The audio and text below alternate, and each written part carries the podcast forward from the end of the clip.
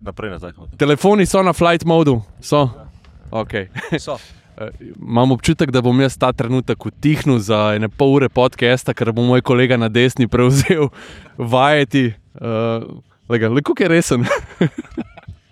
Dragi vsi, danes je velik dan, uh, za nami je Martin Krpan, službeno ime C27J, Spartan, leteči unimok, malček umakn se.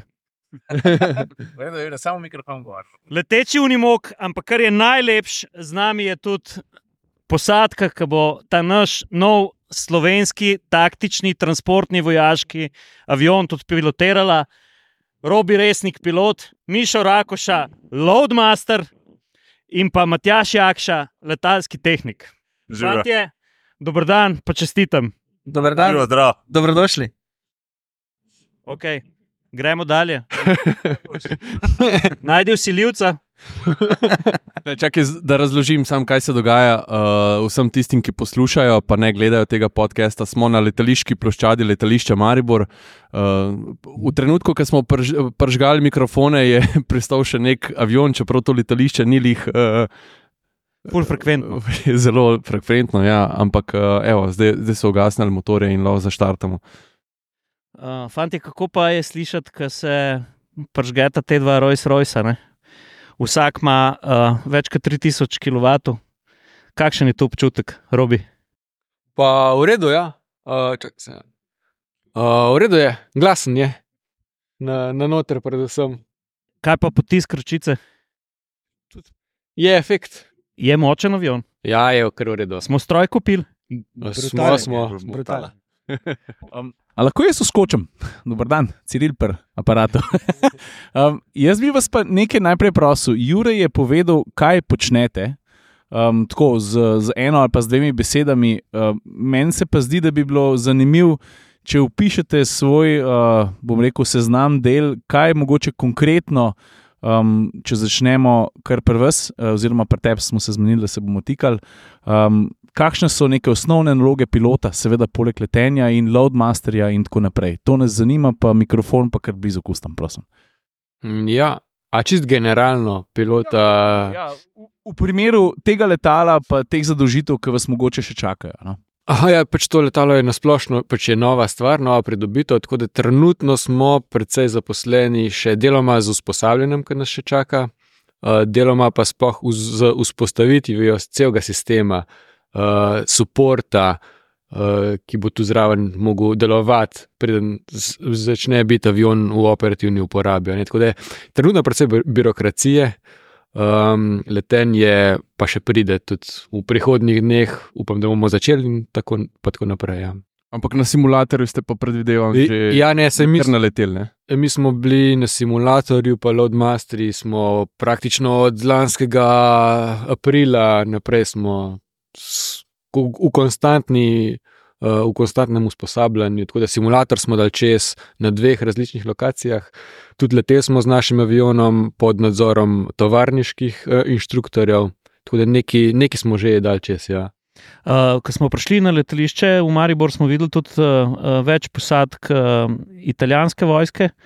Uh, zdaj sodelujete z njimi pri uh, usposabljanju za letalo? Ja, ja, ja, se pravi, oni so prišli ta teden. Um, imamo trenutno dva pilota inštruktorja, pa tri loadmaster inštruktorje. Uh, oni bojo zdaj pomagali pri našem nadaljem usposabljanju, tu bojo ne tri mesece, približno. Uh, imamo nek program določen. Um, so pa to vojaški piloti, zato ker je bil tudi letalo bilo kupljeno na podlagi uh, vlada vladi uh, sporazuma. Tako da mi smo zelo veseli, no, da so uh, piloti italijanske vojske tu. Ja. A gremo naprej na Mišota. Živijo. Živijo. Ja, uh, slovenska vojska je s tem letalom. eh, Slovenska vojska je s tem letalom pridobila tudi pač nov poklic uh, Loadmastera, katerega mi uh, bomo poskušali uvesti uh, v, v operativno uporabo kot Loadmastera samega po sebi. Slovenska vojska je do zdaj imela podoben poklic, uh, tehnik letalec se je imenoval, ki je pač skrbel za, za delo na, na letalo in okrog njega. Um, sam Špartan je pa tovor uh, toliko velikega, velikega pomena, da je, da je zahteva svojo, svojo, svojo branžo in temu se reče Loadmaster. Ja. Mi že koliko ton strpate not v tega le eno prostorca vojaškega? Približno 10 ton. 10 ton, Ja. pa vzletna, vzletna masa največja. Krok 30 ton. 30 ton. Če smemo skočiti na hiter, um, prej, še preden smo začeli snemati ta podcast, sem rekel, da vsi se mi zdi za nas tri govorim, pa mogoče tudi za vas tri ne. Pademo sem pa tja v kakšno YouTube eh, črno luknjo, ampak tako uh, prijetno, ki spremljamo vse kaj ali pa veliko stvari, ki se dogajajo v letalstvu. Sem sodijo um, tudi uh, uh, kakšne nezgode, pa ne želimo to smer zaviti, ampak spomnim se, da ni en mesec nazaj, ko sem ponovno videl posnetek tistega transportnega letala, kjer se je odpel eh, tovor, ki ni bil primerno pritrjen in ki enkrat podreš to ravnovesje. eh, Sploh, ko se je to zgodilo pri eh, vzletu, ne, eh, ko letalo še nima tiste hitrosti, niti nima manevriranega prostora. eh, Če ni primerno pritrjeno, se lahko zgodi marsikaj. Ja, tako smo se prej pogovarjali, že offline, uh, uh, cena je lahko ultimativna, če ni stvar pripravljena uh, tako, kot mora biti. In uh, delo Loadmastera se ne začne na letalu, ampak se že začne uh, prej v pisarni, priprava tovora, kje ga bomo dali, kako ga bomo zavarovali, kako ga bomo naložili. Vse te stvari zahtevajo ogromno, ogromno priprave. Sama izvedba je pol samo en, en delček celotnega mozaika, ki, ki zahteva Mišo, vi morate veliko računati tudi, ne? Ja, ja. Celotno, celotno težišče letala je, je na plečih uh, Loadmastera uh, in mi, ko pol izračunamo, uh, tudi ovrednotimo, je to primerno, ni to primerno, uh, tovor uh, in pol. Končni odločevalec je pa seveda vedno kapitan, ker je odgovoren za vse. Mi pridemo s papirji do kapitana, mu rečemo: Glejte, mi smo zračunali to, pa to, po naše gre, gremo, go, no, go, go in, in stvari naložimo. A uporabljate posebne programe za to? Kako, kako to sploh zgleda? Kako zračunaš, kaj uporabljaš, da prideš do tega, da rečemo, ok, zelena luč? Uh, mi imamo uh, vse na letalstvu, se dela preko manualov, ne, navodil za uporabo. Uh, in uh, tako je flight manual, tako imamo mi tudi loadmaster manual, uh, po katerem se mi, ko dobimo recimo slovenska vojska, čist praktičen primer, nam reče, dajte nam odpeljte Toyoto dol, uh, mi Toyoto premerimo, pogledamo njeno težo, njeno težišče, uh, koliko ima klirensa, zračnosti, kje če ga lahko noter naložimo. In vse pomenilo, vse tabelah je vse lepo specificirano. Uh, in pogledamo, če je to primerno, glede na njeno težo, zavarujemo. Uh, in to je to. Uh, Robi, a, a, ti bi se upal, a ti bi se upal zleteti, če bi, eh, naprimer, tri atmosferci natovorili Spartana, Ja, brez Loadmastera. ne vem, če gledam. ne. Ne vem, če. Bi se, se jaz videl, Razen, jaz razen, bi če se vas zanima, razen če vas zanima dodatno delo, pa da se greste pošolati malo, pa da se usposobite, pa, pa absolutno. A, ok, ok. Zdaj pa Matjaš, Jakša, um, tvoj dan. Recimo, tako na letališču, ali pa preden je treba iti v luft, kaj, eh, kaj je treba preveriti, kako to zgleda. Živijo. Um, moj dan je tak, da um, priješ do, najprej in vprašaš, kakšne so naloge, potem pa glede, pripraviš vse glede na to. Zdaj, se gre leteti, ali se avion samo gleda. Se pravi, se gre leteti, se ga gre pogledat, ali kje kaj teče, pa je treba vse pokrove dol dati, preveriti, če smo vse te pokrove snel. In potem uh, vse po, po čeklistah. Preveriš eh, kol, kolesa, kakšen ima tlak, preveriš, kakšen tlak je v dušika, preveriš, koliko imaš kisika, preveriš, če je avion lep, cel, greš čez sisteme, koliko je poln akumulator. Je... In tega je to, za kar nekaj časa pregledati, pol pridejo kolegi, še malo pomagajo, se malo pogovorimo in potem predamo avion njim. Zdaj pa spet isto vprašanje za Robi, kot prej. Eh, Robi, bi si upal v luft, če bi tri atmosferci naredili eh, Matjaževo delo? Ja, isti odgovor, kot prej.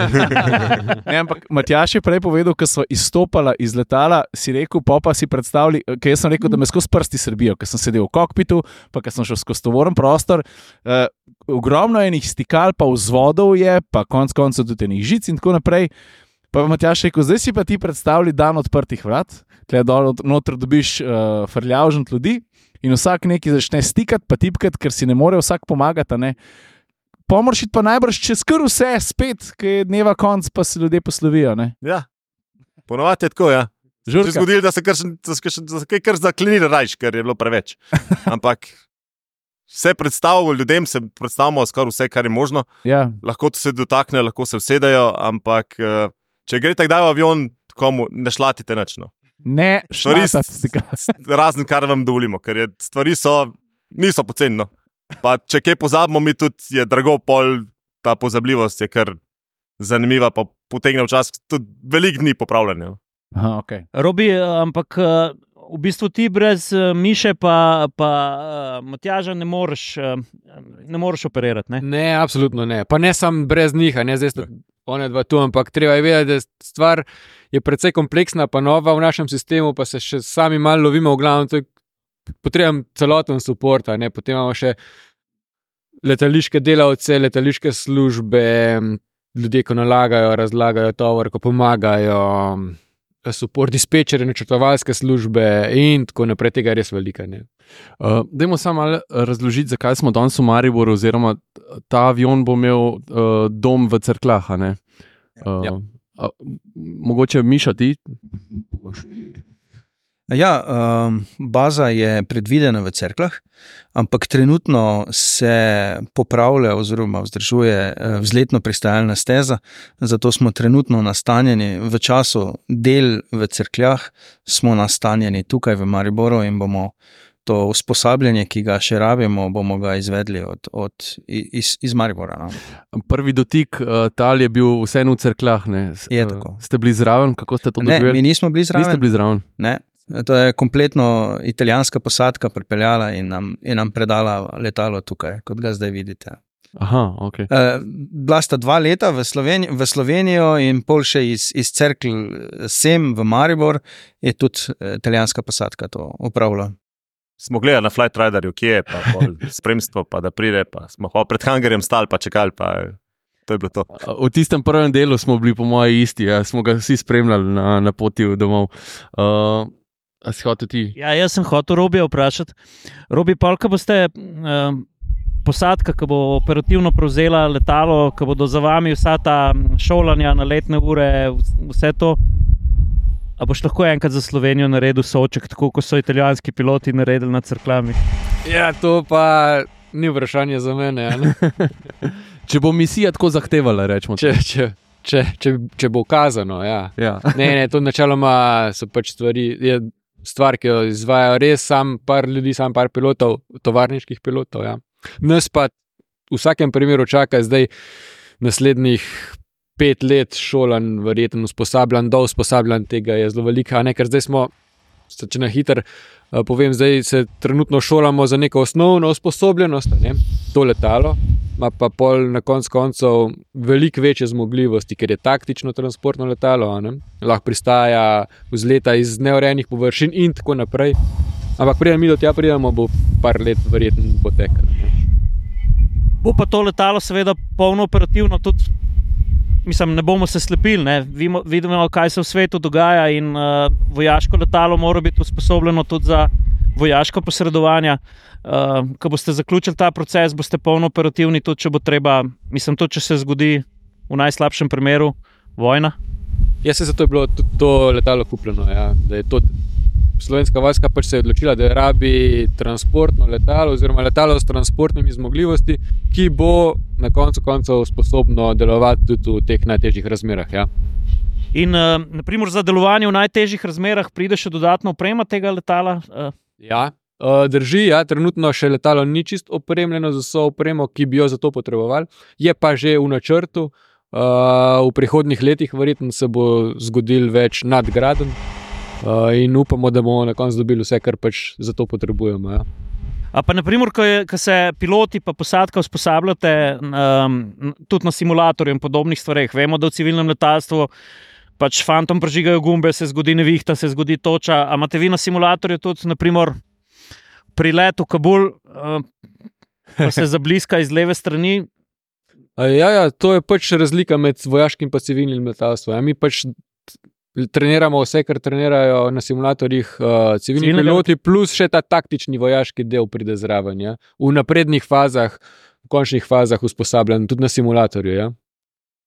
Uh, evo, Ciril se vrača nazaj, pa sem jaz v bistvu kar hotel njegovo vprašanje postaviti, ker mi gremo vedno v podkastu, se vrnemo mal nazaj. Ne. Zdaj, pri tem letalu ne moramo iti tako nazaj, ker je čisto novo, ne, ampak vi imate pa kar nekaj uh, naletenih ur. Uh, pa bi jaz kar robi začel pri tebi. No. Uh, kakšna je tvoja letalska zgodovina, kako si ti začel? E, ja, jaz sem se kot po standardu ne, zaposlil v slovenski vojski, to je moja prva zaposlitev. Uh, bil sem štipendist, potem se zaposlil, zaposlil v slovenski vojski, upravil za to potrebna usposabljanja. Pa sem pa začel leteti v letalski šoli na zlinih, se pravi, enomotornih propellerskih letalih, pa potem, sem na Pilatusu PC-9. Potem sem bil poslan na Mačarsko, kjer sem bil štiri leta pilot na C-17. Ko sem se vrnil, sem postal v Sloveniji kapitan na Falconu, to tudi zdaj deloma upravljam. Evo, zdaj smo pa tu, pred to novo makino. Ampak jaz sem informacijo, da tudi na velikem C-17 Globemasterju, Boeingu, uh, štirmotornem jetu, ki v zrak spravi 80 ton tovora, tam si bil tudi kapetan. Ja, je isto, ja. ja. Drži. Kako pa je to Godzilla v zrak spraviti? No, avion je avion, na koncu konca. ne, no. ne, ne bi tako skromno, ker sigurno je nekaj pri tistem avionu, ki je zelo posebno. Ja, no, je zelo modern, je drugače. Ja, to je precej drugač, drugačen konstrukcijsko, pa tako, ker je pameten precej. In marsikdo si predstavlja, če je avion velik, da ga je vem, težko upravljati, da je težek. Pač C-17 je bil narejen tako, da temu ni tako, zato ker, je, ker ima fly-by-wire, se pravi, računalniki naredijo, kar je potrebno narediti čudež. Uh, tako da je super avion, ja, bil, vse ta je tudi. Ne. Vse do njega pridemo, ampak še, jaz imam še eno vprašanje tudi za C-17. Ja. Ker pač vsak dan ne sedim s pilotom, ki je, ki je pilotiral C-17. Uh, kaj je bil tisti uh, najbolj brutalen tovor, ki si ga pelil, pa kam? A je to vojaška skrivnost? Ja, ali? kam, ne morem povedati, brutalen. Po, po dimenzijah. Ja, 70, 70 ton uh, nekih bomb, nekam. Ne. Na uničenje. uh, Gremo lahko naprej. Ne, zdaj me je ta podatek zbrisal v, v, v, v glavi. Zulo, ja, ja. okay, grem jaz naprej z, z Mišom. Mišo, kako pa tvoja pot od, od uh, letalskega tehnika do Loadmasterja? Ja, jaz sem se v slovenski vojski zaposlil leta 2000 eh, pod enim čudnim naključjem in um, sem začel takoj delati v, v, v 15. brigadi takrat še. Uh, in uh, ko začel kot tehnik na PC-9, Um, pol me je pa pot peljala do, do tehnika letalca v letalski transportni oddelek, kjer sem začel delati kot tehnik letalec na, na turboleto in se tam kalil, če lahko rečem, na turboleto, kar mi je seveda zdaj pomagalo pri tranziciji na, na Loadmaster, na Spartanu. Um, so še bili drugi tipi zrakoplovov, na katerih smo leteli, ja, PC-6. Um, tam smo na PC-6 smo lani tudi dosti oziroma predlani že, pardon. Lansko leto sem kar 2023 sem kar zbrisal, ker smo bili, ker smo bili cel čas v, v Italiji na šolanju.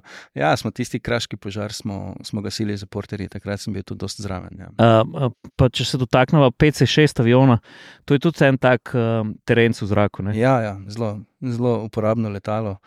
Um, sicer grd, ampak, ampak ja. Meni je, zanim, meni je zanimivo v bistvu to, da sem ujel, da če Falcon ni operativen, da se ga tudi poslužujejo v bistvu naši politiki.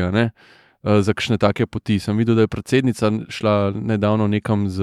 Z turboletom. Ja, A s turboletom. Ja, z turboletom. Porter je sicer tudi eno, eno tono lahko pelje, zelo podobno kot turbolet, ampak je zelo neudoben, uh, ni tak za neke, za neke VIP prevoze. Uh, silom prilike ga uporabimo za kakšne prevoze na krajšo razdaljo, na dolgo, na dolgo razdaljo je pa kar kar muč, muka. Pa se z nas zgodi, da bo tudi šla kam predsednica, recimo s tem, kaj je ja, za nami. Jaz mislim, da bo šla, ja, ker je Slovenija, Slovenija tudi nabavila VIP modul. Um, bomo videli. Ja. Uh -huh. Primarno je to taktično transportno letalo. Ja, Zmore pa več. Jaz pa Saša smo v glavi imeli takoj, kaj je VIP modul. ja, VIP modul je, kot ste videli, kak je špartansko notranjost. Uh, jo polepšamo. No. Čez ta zadnja vrata eh, naložimo eh, na, tih, na teh standardnih paletah, eh, je pač lep, lepša notranjost. Znotraj pol zgleda, kot da sedite v nekem poslovnem, poslovnem letalu. Tako Je- letalsko grsenjerco not Takole, porinete. takole. Me, Ja. Meni se je zdel že zdaj noro lep. Meni se pa- pa- je pa- pa- zdel seksi, pa boš propevci izraven. No? Ne, ampak je pa tudi to, da, da sem se lih usedel not in sem komentiral, da je za noge definitivno več prostora, kot v kjerkoli Lufthansi. Ne. Ja. Tako da jaz sem, jaz sem že zdaj sedel v poslovnem razredu, ker imam namreč težave, kjerkoli avion se usesne. Pa, pa On zaradi višine, jaz pa Ciril pa zaradi teže. Ampak Če smo še malo pri tovoru, um, voda je živ tovor, a to prenese kakšno specifiko pri uh, letenju, ko se gasi požare. Mislim, ne vem, na splošno. No? Ker ti enkrat tovor pritrdiš, je tam, če ja. Si dobro naredil. Voda pa si mislim, da ko zajamaš in je v rezervoarju, je tudi neki lufta, da sama po svoje kaj naredi. Je, samo je, rezerv, je sama cisterna. Sama cisterna za vodo je narejena tako, ima ene takšne prekate Prekate. noter, ki ne dovoli, da bi, se, da bi se to pretakalo in spremenjalo. Se pravi, tako kot na cesti, pri gasilskih kamionih. in tako. Ja. Ja. Miša, a dvigneš sam mikrofon za 5 centi. gor. Eh, Ja, super, tako je. Hvala. Mišo, uh, sigurno pri tej bogati karieri je kakšna letalska anekdota, taka, ki bi jo vseeno bo noben slišal, mi trije. Kaj pa vem? Uh, mi, kot slovenska vojska in kot 15. polk uh, in transportni oddelek, v katerem sem večino časa tej vojski preživel, uh, se vedno držimo enih uh, predpisov in, in pravil, kateri, katere moramo. moramo In na ta način smo še vedno tukaj, ne, dan danes. Prvo moramo domov priti, doma imamo naše naslednike, za katere moramo poskrbeti, in vedno držimo neke, neke standardne varnosti. In Ampak imate pa sig sigurno v 15. letalskem polku, sploh uh, avionisti, uh, sigurno najljubši manever, uh, kje počešete nizko. Pa ja, seveda, vsi radi nizko letimo, takrat se občuti ena hitrost. Hitrost pa imamo, tako kot sami veste, vsi imamo neko. neko Jaz mislim, da človek, celotna evolucija človeštva je nek, neko iskanje hitrosti. Ne? In zaradi tega tudi nekam pridemo. Ne? Amen, to je pa kar kvot. Matjaž, gremo še k tebi. Uh, jaz sem v slovenski vojski od leta 2003 kot letalski tehnik. Uh, po osnovnem šolanju, najprej si tam pripravnik, pomagaš, pucaš, nosiš, odpiraš panele. Pol, ko greš na šolanje v Adrijo, za Adrijo tehniko, pač končaš tisto šolanje in potem se začne tvoje dejansko usposabljanje na, avionih. In to traja približno od 3 do 5 let. Se pravi, 2003, pa pol šolanje, pa smo tam na 2008, 2009, dobiš licenco in potem začneš delati samostojno na Pilatosih PC9, Pilatos PC6, z Lini. In zdaj na koncu se je po 20 letih zgodilo, da smo še na Špartanu. Ampak a, zdaj ste vsi začeli pri a, nekem šolanju. Jaz bi šel še toliko nazaj, da, da, ker me zanima vaša fascinacija nad letenjem, sploh kot, Ja, kot Top otroci. Top Gun. Top Gun. Jaz Ok. mislim, to, to smo vsi zapečeni. Okay, ma, Pri meni se je to končalo, ker je op, o, okulist rekel, Matjaš, pilot pa ne boš. Ne? Tako da- aha, Gremo poiskati službe, ki so na letališču, pa da si zraven, ampak da nisi pilot. No. okay, gremo nazaj. Mišo, kaj pa ti? Jaz sem pa zgor zrasel na travniku v Moškancih, ker sem nedaleč tukaj doma. In je bilo najbližje meni letališče kot Ptujčano, je bilo aeroklub Ptuj Moškanci. In jaz sem tam kot mladič zrasel na tistem travniku in bil tam jadralni pilot. In pol so pa, pa me, je bilo samo še posledica, ko enkrat občutiš nebo, gledaš nebo in vidiš samo tisto. In pa pač še neke okoliščine življenjske, ki so me pripeljale v slovensko vojsko, da lahko delam letalstvo. To je to. Zgodba. Robi? Uh, ja, jaz imam zelo podobno zgodbo kot Mišo. No? Uh, jaz sem daleč preden sem se zaposlil, uh, začel leteti kot mislim, 17-letnik v aeroklubu Celje. Uh, ista zgodba, jadralno letenje, pol tekmovanje, pa jaz sem, pa Mišo sva tekmovala, uh, tudi v določenem cajtu, en proti drugem. Uh, tudi jaz sem v, v, po duši, uh, sem bolj tak travniški pilot. No. A, okay. to, je- to je zanimiv podatek, Ja, tega, ker da- s tem bo je tudi lahko prestaneš na travniku, ne, če je dobro poteptan. Pravijo, da ja. ja. Ja, zanimivo. Jaz sem spet v YouTube črno luknjo. Ne? ne, ker sem pa včeraj videl en klip, ki sem ga prvič, ker vam YouTube dobro prečesan. Ne? Da v Nemčiji obstaja neko letalo, ki je razstavljeno tako kot tisto tam zadaj, in je, da so ga um, da niso letala razstavljali in dajali na tornake in ga razvažali do tiste lokacije, da je letalo pristalo potniško na travniku, ki tudi približno ni bil raven. ne. To je bil Ta, jaz ne vem, ste videli vi ta posnetek, ga bomo mi prepeli, ampak to je, bilo, to je neverjeten klip. Potniško lesta, letalo pristane praktično na polju. Ker že misliš, da bo podvozje, ki je sicer, se veste, pr- prilagojeno takim obremenitvam, ampak to je tak nor klip, na katerega sem se zdaj Meni je spomnil. ful dobro, kad Ciri reče pilotu, vse veste. Ne? Ja, no, ne, ne vem, lej, za vsak slučaj.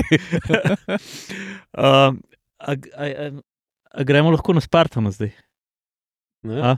Ej, ja, jaz sem še hotel vprašati, da se take rekelce pojakne, da so dobiti kje brez našitkov, ki so full hude. A je to, kje ja, kupuje slovenska vojska? Ne prekomo tar minuti. Ja, le sam vprašam. Meni je fajn, ta zelena, ki ni moja barva, se mi zdi, da bi jo kar eh, z veseljem nosil, una leder jakna, pa tudi moramo ugotoviti, un listek zadnji pogled. Sej za leder jakno je že predsednica razlagala, kje se jo dobi. Mislim, so posebej šivane za, za vojsko, ne, ampak mislim, da je slovenski produkt. Ne. Je tako, ne Ja. daleč tukaj. Za, za zelene bomo pa še raziskali. Sam, Zelene so ameriške, tako da če jih dobiš po na, jut- na eBayu, se jih da dobiti. No. Aha, ja, veš. sam, Mi jih pa ne moramo potalati, ker jih nimamo preveč. tako da- sam povejte po pravici, ampak le, letalc, letalski poklic je en tak frajerski poklic, vseeno. Ne? Je zahteven, je odgovoren, ampak je tudi frajerski. Ne?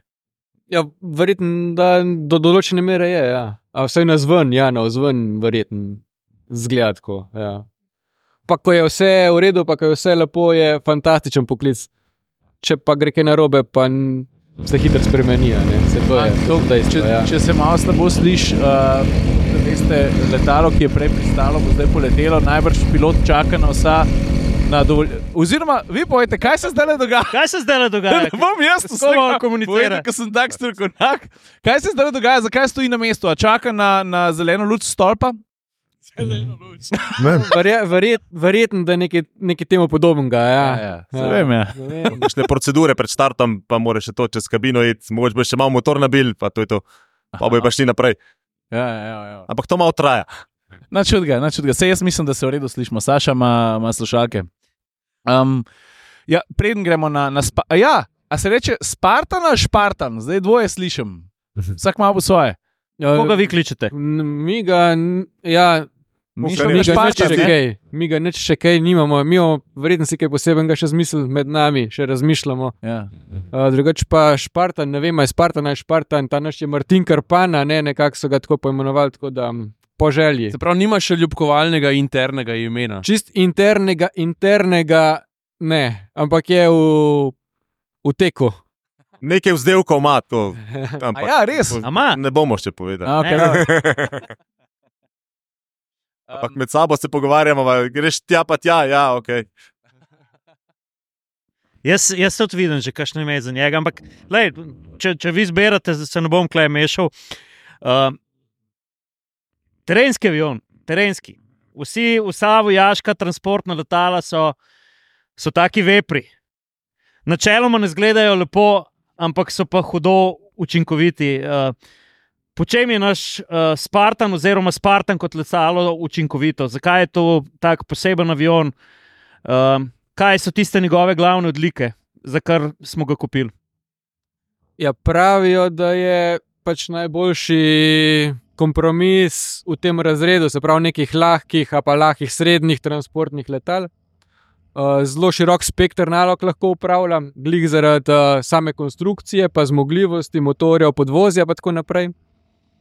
Plus, uh, da se ga hitro prekonfigurirati, kot je bilo že prej malo rečeno. Ne? Je tu slovenska vojska kupila par različnih kitov. Um, tako da je tako univerzalca? Uh, ko se ga da porabiti res na marsikaterem področju.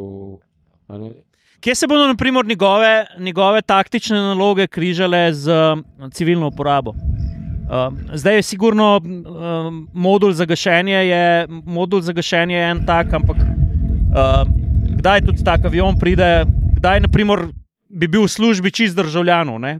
Uh, če vam dam eno konkretno nalogo, če, če bi se postavili, nedavno smo imeli poplave, če bi bile vse helikopterske enote zasedene, kot so tudi bile, pa bi vi mogli v Črno na Koroško, naprimer, dostaviti neke pakete prve pomoči ali pa voda. Tu se da odmetavati iz tega letala.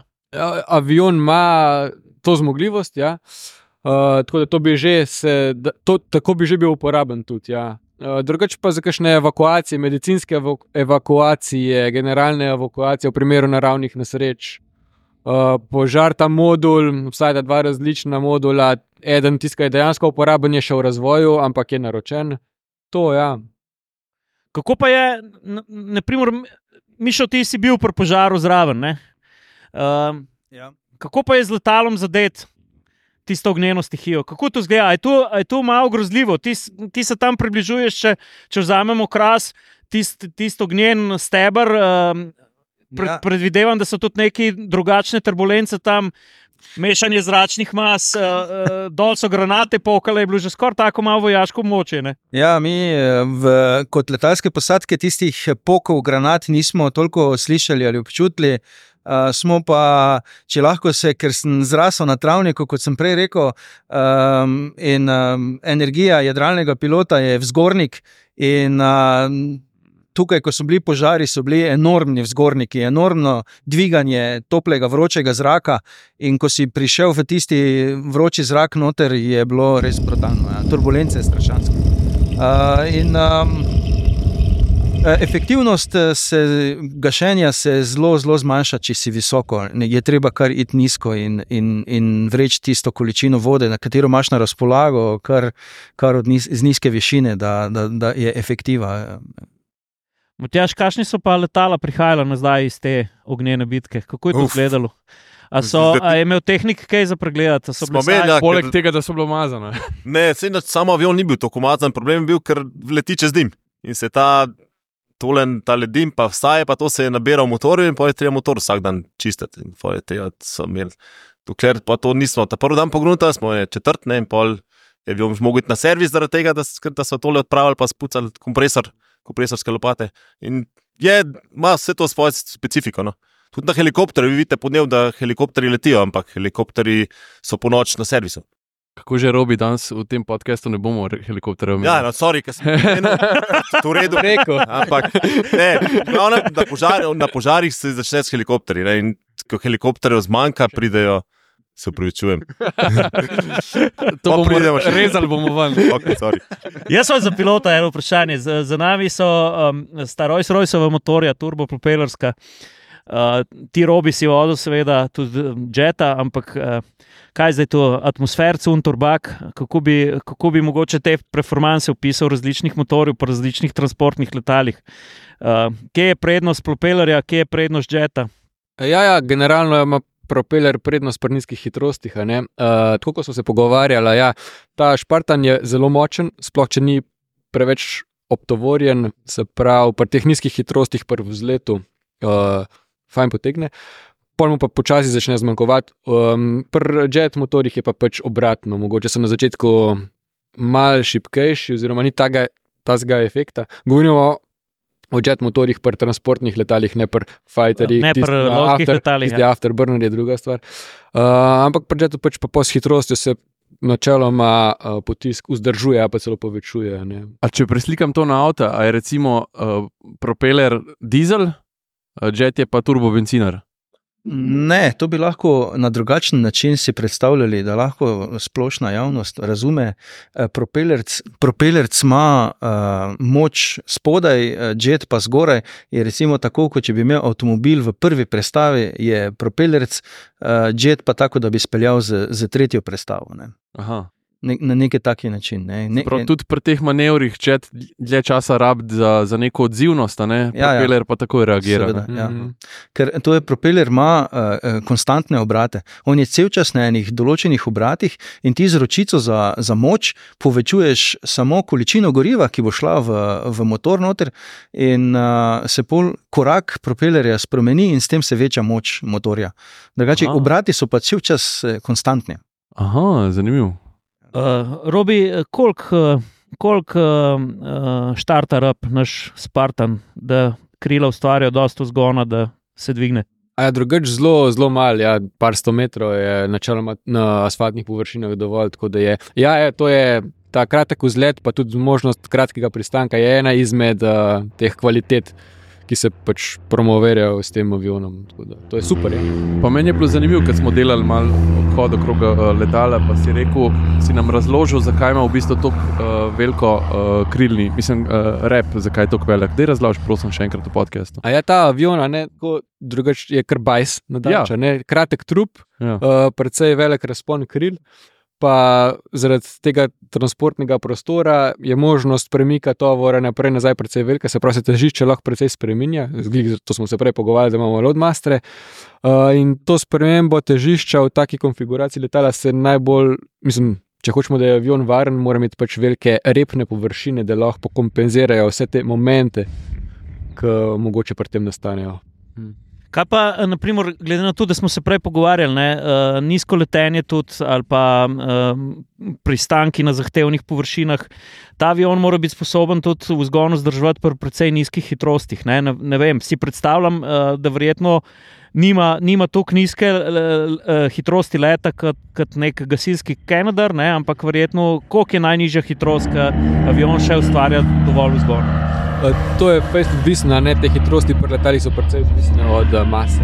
Uh, Letala, recimo, če je relativno prazen avion, ki smo leteli nad, v Italiji, uh, tam okrog 110-120 vozlov, je čisto z lahkoto še leti, lahko tudi manj. Te, ta nizka hitrost je precej um, uporabna ne samo pri pristajanju, ampak tudi pri odmetavanju tovora, takrat mora biti hitrost nižja, je pol vse skupaj lažje. Mhm. Uh, tako da je avion relativno počasen, lahko. Ja. Kaj pa, uh, kaj pa predstavljam si, da je naprimer, ker transportno letalo ima še posebej ujačeno mm, pristajalno podvozje. Uh, a, je, a so pristanki zato lažji? Ali to nima vpliva? Oziroma, bom rekel drugače, ker smo imeli v podkastu pilota Miga 21, je rekel, da ta prav pilot vedno lizne pisto. Kako je pa s temi velikani, oziroma kadar je naložen? Ja, nas so pa glih obratno učili. Aha, Ne, ne lizati piste, da treba imeti trd pristanek, da je podvozje narejeno za trde pristanke, da to vse zdrži. Tako da, druga logika. A pa je res, da v mokrem, da, da je v bistvu res treba malo bolj udariti. Ja, ja, taka je teorija. Ja. Aha. Mhm. Okay. Uh, ne, pa, eh, prej nismo omenjali, kaj si rekel, od, od, za odmetati tovor. ne. Uh, je treba podariti, da se v tem primeru lahko odmeče tudi živ tovor. ne. Ta avto je um, avto. avto. Evo nas. Avtomobilski podcast. Ja. Uh, to letalo je namenjeno tudi uh, prevozu in odmetavanju padalcev. Ne? E, Ja, in padalcev, se pravi osebja in tovora v različnih konfiguracijah, ne, eh, se da to odmetavati. Ja. Uh, jaz imam še eno vprašanje za Loadmasterja, čisto tako tehnično. Uh, če mi postavimo Spartana 40 ali pa 46 uh, polnoboroženih uh, uh, vojakov, a oni morajo sedeti primer ali uh, v fazi uh, leta na, na višini križarjenja, lahko se malo sprehajajo po letalu ali ne? Lahko se sprehajajo. Ja. V različnih fazah leta so različne zahteve. In pri poletanju morajo, morajo biti sedeti in pripet, glede zaradi tega, ker je, motorji so res brutalni. In na pospeševanju, na, na, na vzletni pisti, bi vsi odleteli v repi, če ne bi bili pripeti in bi se lahko poškodovali. Ne, in, ja, pri poletanju, pri pristajanju ali pa pri turbulencah sedimo, ko pa je vse normalno, ko smo na neki višini, na lepem vremenu, pa se lahko tudi, tudi sprehajamo. Ja. A se Spartan zna kaj brant ali kaj takega? Kako ga bomo, če se slučajno zakomplicira vsa ta svetovna dogajanja, nažalost, zdaj, ker gledamo ta poročila, jaz nisem najbolj, bom rekel, optimist. Ampak eh, kako bomo, eh, kako bomo Spartana ohranili nad, nad oblaki dolgo? Eh, Naprimer, da, da greste na misijo, pa da vas nekaj preseneti, pa se je stalo odpre ogen. A, a imamo kaj, imamo kaj za obrance? Ja, uh, načeloma je avion je narejen za take razmere, tako kot smo rekli, tako da zdizajniran, skonstruiran je bil tako in to obvezno mora biti zmogljivost, če je avion, če je avion poslan na kakšno tako misijo. Ja. A lahko, uh, a lahko tudi Trump odpremo, pa 50 kaliber od zadaj na rampi stoji. Kaj tazga se da narediti? To treba kakšen film, YouTube še pogledati, pa ne študirati. a Ne? Bom jaz to bom jaz pogledal, Bomo pa se bom, Ciril. pa, bom, bom pol javil, Jure, prav? Uh, še eno imam tako malo vprašanje, malo filmsko. Kaj da si v podkastu, kar Ja. vprašaj. Pač le, zdaj imamo tukaj strokovnjake. Uh, če bi zdaj, če bi zdaj dubl, da bi bil ta avion v predpostavki, da sedimo pet let naprej, da da je avion opremljen z vsemi temi kiti, vi ste dali vsa ta šolanja čez. Če bi zdaj zagorelo, naprimer na krasu, kam gre Spartan po vodo? To me je zanimalo, ali se tanka iz cisterne, ker mm, iz jezer ne boste zajemali. Ne? Ja, ta Spartan, ne vem, če ste videli, ima, pa če veste, ima dva, kot sem rekel, dva različna sistema gašenja. Sta. Eden je tako bolj primitiven, da imamo neke, recimo, temu kartonaste škatle, ki gre kubik vode noter uh, in se te škatle pol preprosto vržejo ven, airdrop, odmetavanje škatel je to z napolnjeno vodo. To je primitiven sistem in to se natanka iz gasilskimi vozili. Ta drugi sistem je pa malo bolj sofisticiran. Je pa tako, da je v bistvu noter pride cisterna, 7-8 kubikov vode gre v cisterno na paletah. Isto je treba napolniti uh, s cevmi, z zunanjim virom, plus še pod pritiske treba spraviti in pomata cisterna uh, iztok vode čez ena vrata, šobo. Um, Pod pritiskom ali na- pod, pod pritiskom, ja, tako da gre precej hitro, tisto, mislim, v sekundi, dve gre tista voda ven. Dejansko deluje kot vodni top. Ne? Eh, Nekaj v tem smislu, ja. ja. To že obstaja na drugih uh, tipih podobnih letal. Za tega Špartana je pa zdaj se razvija, certificira, ampak bo verjetno v parih letih bomo to prejeli, pa pa da se treba še šolati. Pa. No, ampak če, glede na to, da imamo tehnika, pa, pa loadmasterja, po mojem, tudi te kartonske škatle so lahko kar natančne, ali ne? Ja, bomo videli. bomo videli. A tu bo kasneje še en mokri trening, se bo to dalo kje videti. Absolutno, vabljenje. Zapišti, Boste zapišti. obveščeni. In Ne, jaz ne bom stal sred piste in mene ne boste spet po- splahnili, tako da jaz sem imel že dovolj. Bil. Ne bi ga. Ja, vaja dela mojstra. Ne? Ne, ne, ne, Ja, ampak robi, kako pa natančno pa lahko prepeleš ti nad požar ta avion? De, ja. Ja. Dejansko, če, če mi vzamemo zdaj ne vem, uh, eno točko, da imamo žarišče požara 100 krat 150 metrov. Uh, kako? A, a mogoče lahko pišeš malo to tehniko? Ja, jaz nisem nikoli bil gasilec, pilot. Okej. Uh, tako da nimam izkušenj, ne vem. Sigurno pa ni to isti, ista kategorija gasilskih letal, kot namenska gasilska letala, ne, Mhm. manjša. Um, to tudi pri tistih uh, škatlah z vodo napolnjenim, to se mečejo na koordinato. a Ne, se pravi, imamo noter v avionu precej dober računalnik, noter damo koordinate, kam mora stvar padati. Ve- Veter, vse žive podatke, Aha, In to je računalnik. eh, Po računalnik izračuna točko odmeta.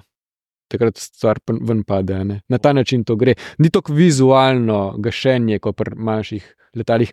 Za, on- za tisti drugi sistem pa nisem prepričan, ker je še res v razvoju, se ne ve, kaj dosti. No, sem pa v bistvu uh, ni tako primitiven, ker je, je kar natančen odmet vseeno. Ma, mogoče odmet je natančen, zdaj pa stvar izvedbe je pa verjetno to, pa učinkovitost je verjetno precej odvisna od razno raznih faktorjev. Ja. Robiš, kaj me zanima? Pa če ti si vozil Falcona, oziroma ga še zmeraj voziš. Pilotira, pilotira ga. Ne, šoferam, ja. Le, jaz sem rekel, ta bo danes za YouTube, eh, jaz bom za še zmeraj eh, križu, križu avto v ta podcast. Ampak da mi povej, pač zdaj si uh, pride en v službovanje vojski, pride en tak uh, avion. A, a je to zate izziv, ali zdaj iz Falcona, ki se zdaj presedeš v, v tale avion, ali ti je to tako, pač, a zdaj res moram tole voziti. A, Oboje, ja. Oboje. Ja. izziv po eni strani, po drugi strani smo pa itak vsi, ne samo piloti, tudi na splošno, vsi ostali, verjetno preobremenjeni. a ne. Zato pa mladi fanti. Poziv. Ja, poziv, Ja, Vojsko. jaz sem prestar. ja, se bo že zmenil. Ne? Da boste vedeli, ne? Jure se je že prej šopiral, ne? da če je prestrne, pa smo pa zvedeli, da imamo tam le v avtu papirja, ne? zdaj kar za podpisati, pa pa en korak nazaj naredil. vse. Ne, jaz tu v, pe- v 15. polk, eh, tudi če sem za Waterboy, tudi če sem Waterboy, pa za šajbe pucati. Lej, tu- tak- nekje je treba začeti. Ne? A si ti prvi testni avto vozil Porsche GT3? Nisem. No, Tako ja. a veš, uh, gremo v zrak, gremo še v zrak. Jaz, eh, jaz se ga ne morem nagledati. Ne? Prej si mu rekel bajs, ampak meni se zdi tako elegantno izpopolnjen avion. Ne? Na vseh delih ga je ravno prav. Ne? Zelo je baročen. Je stvar okusa, verjetno. Ja. Ampak, če jih postaviš, ne, ti si, eh, ne, če postavimo en lep prilet PC9, ki si ga tudi uh, pilotiral, pa če postavimo tisto, tistega ameriškega ptiča, velzga uh, C17, pa tega, uh, če bi dal na lestvico lepote, kako bi jih razumel? moje osebno. Osebno, ja. Nimam pojma. Vsi so v redu. Vsak je, vsak je, Ne, po, no, svoje, daj. vsak je po svoje. Helikopter na zadnjem mestu. Helikopter pa smo rekli, da ne omenjamo. Ja. to pa absolutno ne. Uh, hitrost pri transportnem letalu. Kako je pomembna, zakaj je pomembna? Jaz sem dan zračunal, uh, da v bistvu je novi, uh, novi uh, Spartan slovenski 192 km um, na uro hitrejši od uh, najhitrejšega serijskega električnega avtomobila Rimčeve Nevere. Se pravi, uh, Bravo. 602 km na uro, skoraj za 200 na uro ga operete. Uh, zakaj je hitrost? Uh, ali tu tudi polno naložen, lahko tako hitro leti? Ja, ja. To je verjetno je ta podatek, ki si ga ti videl, je verjetno ponavadi to podatek polno naloženega uh, letala na potovalni višini. Uh, hitrost je važna, seveda. Hit, hitreje pridemo na določeno točko, več dela lahko v istem dnevu opravimo. Uh, ne samo hitrost, tudi višina je važna. To letalo, kljub temu, da je propelersko, lahko gre relativno visoko nad vreme, a pa tam nekje, da se lah, lažje se izogiba vremenu, kot niže dol. Uh, to so vse zelo pomembni faktori. Ja. Kaj pa doseg? Doseg je pa sploh zelo odvisen od mase. Če je prazen avion, ima doseg, mislim, da tam okrog 5500 km, če je do konca napolnjen z gorivom, pa s tovorom, pa ne vem, 1500-2000 km. Na pamet govorim zdaj, uh, se zelo spremenja. No. Ja. To je tudi malo več kot Rimac na vera, a, Jure. Ja, predvsem pa, da si bodo ljudje predstavljali, kako, kako, eh, kako visoko lah- lahko leti eh, ta naš Spartan, verjetno polno naložen, tudi doseže to najvišjo višino ali ne. Ne čist, ne čist, ampak še zmeraj gre lahko tam nekje do 25 tisoč čevljev, če si to preračunate v metre. Uh, to je neka srednja višina, ne? še zmeraj je to veliko nižje od recimo Falcona ali pa od potniških letal, zato ker tiste letala imajo jet motorje, mi imamo propelerje. uh -huh. Uh, ampak še zmeraj je pa to veliko boljš, kar ostale letala, ki jih imamo trenutno propelersko, slovenski vojski. Ampak, če bi, na primer, dal noter enega Toyota Land Cruiser, ki je tudi v vrstah slovenske vojske, jaz mislim, da 296 metrov nad vrhom Everesta bi še vedno letel. Ne? Ja, bilo zaprovat, ne vem. Ja. Bomo pa pa k- Drugič. ko gasno. Drugič. Uh, Pejmo naprej.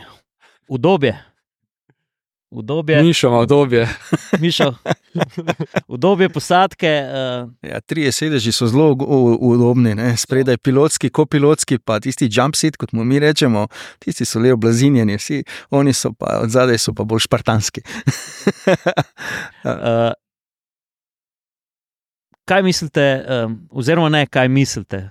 Uh, kaj, je, kaj, je stvar, kaj je ena stvar znotraj tega letala, mogoče v kokpitu, uh, ki vam je najbolj všeč? Ama, ama, a je ergonomska stvar v kokpitu, okrog teh treh najbolj udobnih sedežev, ki bi rekli, uf, tole so pa res dobro naredili.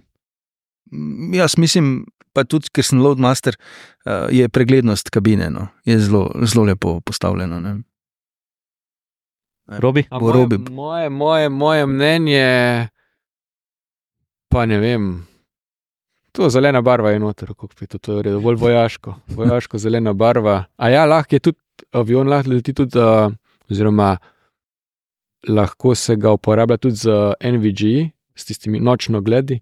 Posebna osvetlitev obstaja, ne, Uh -huh. uh, ki to omogoča, tako zelen kokpit je pol. To je, to je kar v redu, tudi kar, kar vojaško zgleda. Ja, vojaško. seksi. Um, je pa treba tudi paziti, um, mislim, a je pilot tisti, ki lahko naredi napako, mislim, najbrž ne. Uh, če ti letiš, moraš vsem spoštovati neka pravila, pa ne izvesti, oziroma narediti nekaj, kar bi um, pomenilo preobremenitev za, za določene dele. Ne? A to velja? Ja, absolutno. A se to Absolutno. zgodi hitro? Mislim, Zelo. reči, Zelo hitro. ker lahko. ne, ker grem jaz na YouTube in gledam tale kanal, me, kanal Mentor Pilot, ne, ker on ima čez vse živo, ne, pa tudi stvari, ki grejo na robe. Um, da včasih ali uh, tudi orientacija se zgubi, pa pol hitro narediš dve, tri stvari, ki pripeljejo letalo na rob zmogljivosti, pa mogoče, mislim. to je hiter, lahko tudi usodna napaka. Ne? Mhm, ja. Um, a ste kdaj bili, mislim, vem, da ste poudarjate varnost in vse tako, ne, ampak v, v celotni letalski karieri, eh, v streh, a se je kdaj zgodil moment, ko ste mogoče pa zaslutili, da je pa bilo blizu uh, trenutka, ko bi šlo lahko do stvari na robe. Mogoče niti ne po lastni krivdi, ampak da se zgodi moment, ko si rekel, ok, danes sem pa prišel domov, pa mogoče celo bi se lahko zgodil, da ne bi. A Ja, občasno sam jaz osebno, da je bilo prav kritično. Ne? So pa doskrat situacije take, ko ne gre vse po planu, ko postaja težko, pa slabo vse skupaj, pa res je takrat treba stvar ustaviti, pa rešiti. ne. Se pa človek pa zamisli, pa če to ne, takrat ne bi naredili, kaj bi lahko šlo na robe, to te misli seveda Mhm. so. ne. Gre pa zelo hiter lahko, ja. uh, fejs na robe stvar. Zato pa tudi vse to usposabljanje res, kljub temu, da smo vojska, da, so, da je nivo varnosti sigurno v določenih primerih nižji kot v civilnem letalstvu, ker pač moramo delati v, vojaških razmerah, še vedno so vse procedure narejene za varnost. ne. Mhm. Loadmasteri, mi, vsi tehniki, ki šrafajo na tleh, se tega zavedajo, um, da je rezultat tak, kot je na koncu. ne. Matjaš, um, recimo, jaz sem tudi pri svoji službi včasih, ko sem še na Sijolu delal, pa sem imel tudi kakšno stvar, ki jo nisem maral delati. ne. Recimo, nisem maral avtomobilov na testne kroge voziti, ker smo računali porabo, ker sem se malo dolgočasno vmes pa to. A je kakšna stvar, ki. Um, Bom rekel, zjutraj vstane, vstaneš in rečeš, spet bomo to delati, ali pa je kakšna stvar, da ti jo kdo zakuha. A kdaj dobiš letalo nazaj, pa rečeš, lega.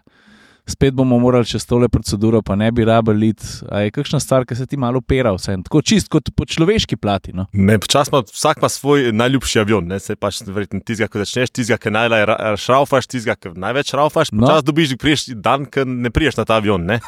Greš na en drug tip, se moraš spet, aha, spet se moram to učiti tam, tako drugače, drugo opremo moraš dati gor, brž si umazan ali pa manj umazan, ker ti pač ne leži.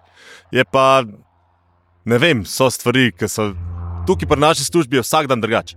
Vsak dan je, delaš na isti mašini, ampak vsakeč ti nekaj novega preseneti, zmeraj moš brati tiste menule, procedure, zakaj to je, zakaj to ni. Še posebej pa rečemo, na koncu servisa daš motor na testiranje. In moraš vse čez vse te procedure iti, in potem moraš tudi testirati določene stvari, ki so skoraj kritične po tvoje, ne? ker priješ do limita motorja na tleh. In če ne narediš prav, greš čez. Mhm. Ampak dajmo to, zato moramo se vse tiste priprave, pa vse to moraš izvesti, da se to ne zgodi. No. Se pa, smo, so pa zanimive stvari dogajajo. No. Aha, no, ok, vidiš E, to. je, um, eno zelo pomembno užilje vsakega uh, aviona je seveda hidravlična napeljava. ne. Uh, Kuk ta trpi, kuk je tu bulletproof narejeno, Matjaš.